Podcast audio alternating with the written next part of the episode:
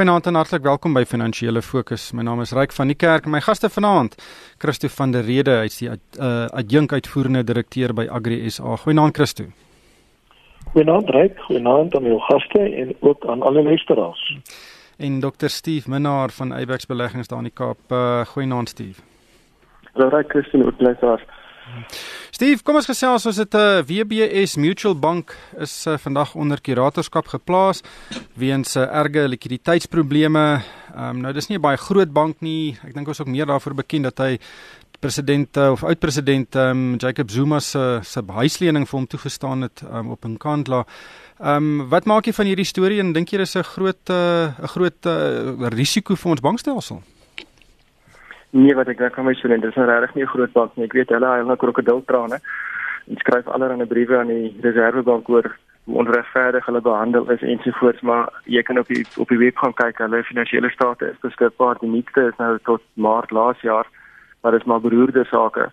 Hulle het ehm um, weet as ons van later praat oor die res van die banke, ons kyk altyd na die, jou jou opbrengs op kapitaal. Hulle opbrengs op op kapitaal was 1.3% laas jaar gewees. So die bank was in elk geval in 'n goeie finansiële posisie gewees, nee. Ehm um, so ek ehm um, is nie so seker presies hoe volhoubaar die bank oor die lang termyn in elk geval sou gewees het nie. So miskien is dit 'n 'n goeie ding dat die dat die weet die ehm um, reguleerder inspring. Die reservebank inspring en sê kom ons beskerm eintlik die die ehm um, mense wat geld in die bank het. Ehm um, en en tree vertuig op. Hmm. Ja, Christo, ek ken die bank ook nou nie so goed nie. Dis maar wat mense in die media lees, maar skynbaar eh, was die kern van sy besigheid ehm uh, munisipaliteite wat uh, weet geld daar belê het in, in staatseffekte of in effekte ten minste en en dat dit uh, op 'n stadium verlede jaar deur die Reservebank bestempel is as uh, die oortreding van van wetgewing. Hulle kan dit nie by 'n mutual bank ehm um, belê nie. Het jy al enigsins met hulle te doen gehad en en en uh, het jy enige ander insigte? Nee, ek ek het nog geen verdere insig daarin nie. Ek weet net presies wat jy nou gestel het en dan baie van wat hulle gedoen het om ook weet uitgeenings uit te gee, spesifiek in die in platlandse gedeeltes. Ehm um, so ek kan verstaan wie die Reservebank bietjie bekommerd is daaroor. Hmm. Christo, ehm um, kom ons praat 'n bietjie oor ekskuus tog, ekonomiese groei. Ons het uh, groei syfers gesien hierdie week. Ehm um, en dit was nogal baie positief. Ons het in die 4de kwartaal van verlede jaar groei van 3,1% gesien wat baie hoër was as wat verwag is vir die hele 2017 het ons met 1,3% gegroei. Ehm um, nou vroeg verlede jaar is daar verwag ons sou goed doen om net uh, positiewe groei te wys uh, en die groei verwagtinge was tussen 0,7 en 1%. Kirsty, wat is jou siening hieroor en uh, en veral die rol wat landbou in hierdie versnelde groeikoers gespeel het? Vir baie ekonome het hierdie onverwagse ligpunt as 'n verrassing gekom. En mense is dankbaar uh, dat daar uh, werklik waar 'n uh, uh, positiewe beweging is in terme van BBP groei. Ons is ook uiters trots op landbou wat 'n uh, baie groot bydrae gelewer het. En dis maar weer van weer die groot mielieoes en die soja oes en die tipe van goed. Ons sien ook dat die finansiële en mynboubedrywe het ook uh, positiewe bydrae gelewer. En uh, mynbou se groei is hoofsaaklik uh, aangespoor gedeeltelik deur verhoogde produksie van mangaan, erts, krom en ystererts. So dit is baie positiewe goed en ehm, 'n uh, mens hoop net dat dat uh, jy weet hierdie tipe van goed sou vorentoe nog verder uitbrei. Wat ons ook verblydend maak in die uh, landboubedryf is die feit dat uh jy weet uh, stygings in die produksie van diereprodukte uh, het ook uh vir landbou uh, groot opstoot gegee. En uh, ons sien dat landbou die landboubedryf het 'n stewige betoning van so 37,5% in die laaste kwartaal bygedra. En natuurlik ook die handelssektor, mense koop weer motors en uh mense jy weet besoek weer winkels. Ons hoop nou net nie dat die uh, verhoogde BTW en al die tipe van ander goed 'n uh, demper daarop gaan plaas nie, maar ons is ook vol dat uh, daar uh, die groei volhou volhoubaar is. Hmm. Ja, Steve, ek kan nie onthou in die onlangse verlede dat ekonomiese groei ons aan die positiewe kant verras het nie. Ehm um, ek moet sê dit, dit het nogal die die wenkbroue gelig en miskien is dit maar net die begin vir 'n versnelling in die momentum van ons ekonomiese groei wat ons so desperaatlik nodig het. Ja, reg, ek hoop jy ek hoop jy's reg daar. So ons het weer die laaste 2, 3 weke 'n geweldige maatskappye resultate aangekondig en dit was baie interessant om te sien hoeveel van hulle baie positiewe opmerkings gemaak het hoe hoe dramatisch besigheidsomstandighede verander het van laat laas jaar tot vroeg in die jaar. Jy weet ons kyk dan onder andere na die veelheid vrag wat ingevoer is per vliegtuig wat onmiddellik opgetel het aan in Desember vroeg Januarie, want dis 'n ding wat jy vandag hier voor kan optel en môre kom die vliegtuig met 'n besending van van die ooste af. En dan ook ehm um, vir hou weet 'n uh, um, houer verskeping wat nou ewe skielik toegeneem het na so tipies so 6 weke wat jy moet wag vir die skip van China af aankom en in Durban of in die, of, of, of in die Kaap aan. En uh, dis dis baie verblydend om dit te sien. Jy weet mense kry so 'n idee die hele land het so al sy asem opgehou laas jaar en saam met die asem ophou op die checkbook toegemaak. En uh, soos dinge baie meer positief begin lyk het op 'n politieke front in terme van bietjie meer stabiliteit in die land het ehm um, het, het dinge baie meer baie beter gegaan. Dit was ook 'n korttermyn positiewe impak deur net eenvoudig die die die voorraadvlakke te herstel. Jy weet as as, as besigheid bekommerd is oor wat vorentoe gaan gebeur dan hou hulle net op om voorraad te herstel en weet nog voordat jy eers ekstra voete die redeer kry, jy net die voorraad op 'n normale vlak te kry, vir klaar lekker hupstoot vir jou ekonomiese groei. Ja. Ehm um, Christo, weet almal praat van sekerheid en beleidsekerheid. Nou ons het baie probleme gehad in die mynboubedryf wat ek dink nou baie vinnig opgelos kan word. Uh, Gwerie Mantashe is nou die nuwe minerale hulpbronne uh, minister en ek dink hy gaan 'n groot rol speel, maar een van die ander ehm um, bedrywe wat ook deurgeloop het onder beleidsonsekerheid is ehm um, die, uh, die bedryf vir ehm um, hernubare energie en dit klink vir my of uh, Cyril Ramaphosa ook daardie sweep geklap het.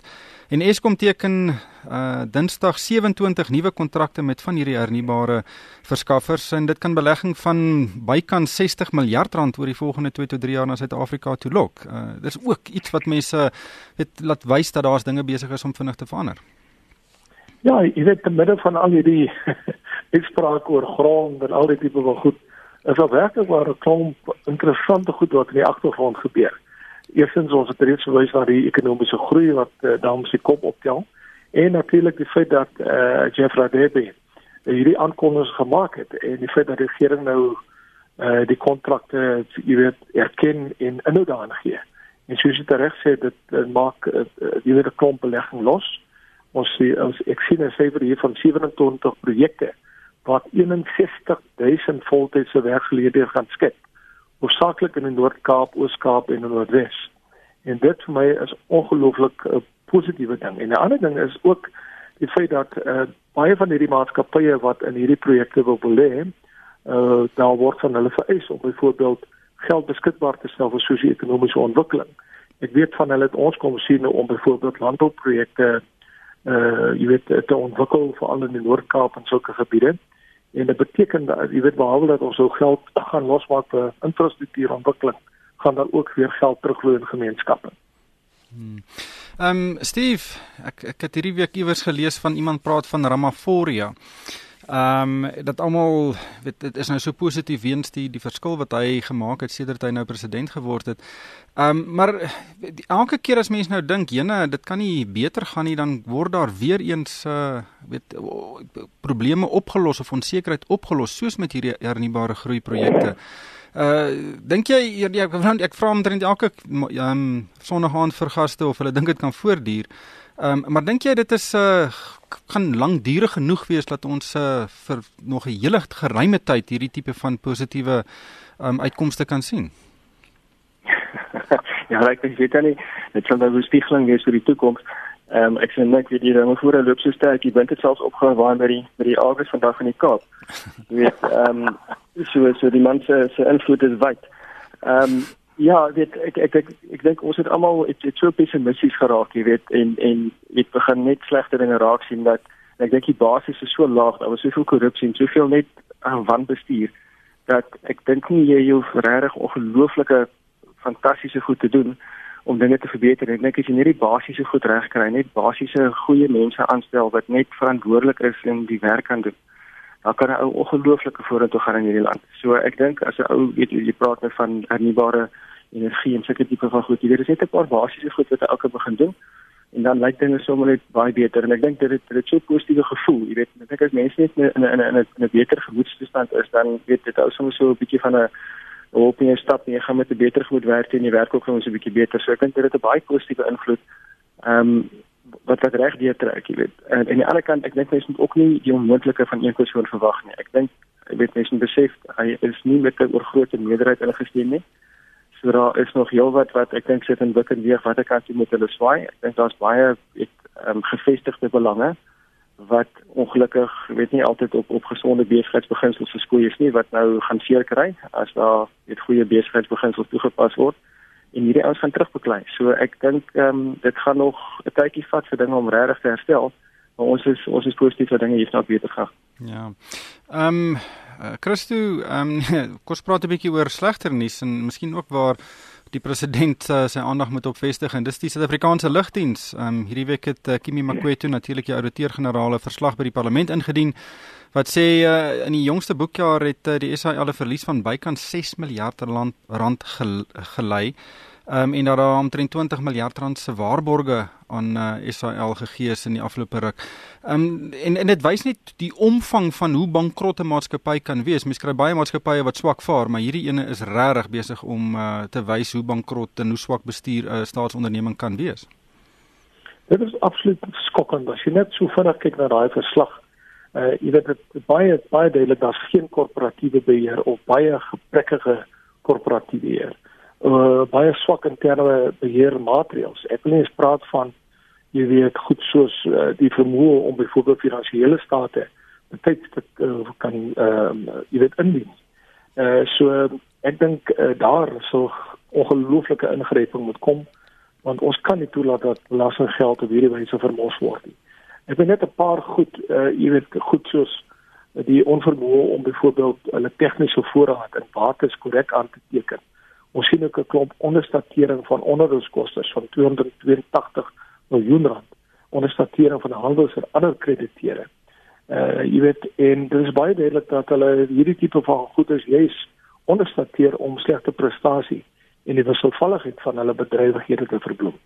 En ek is baie bly uh, Makret het nou ingegryp en hopelik uh sou die regering uh, onder leiding van Prabal Gordhan uh toesien dat hierdie situasie beredder word. Ons kan nie so aangaan nie.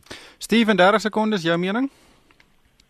Ja, weet ek ek ek ek dink daar's 'n totale vlak van wanbestuur ook, weet jy, mense net aan die nuus kyk, maar aan die ander kant moet mense ook vir 'n bietjie opkom. Jy weet, ek dink internasionaal is dit geweldig moet dit om geld te maak. Jy kompeteer met 'n klomp oorseese luglederye wat geweldig baie staatsop kry en wat elke liewe lug weet vlug kan kan subsidieer. En ek dink dit maak dit baie moeilik om daai roetes op die ou te kompeteer en dit is vir baie Suid-Afrikaners kies.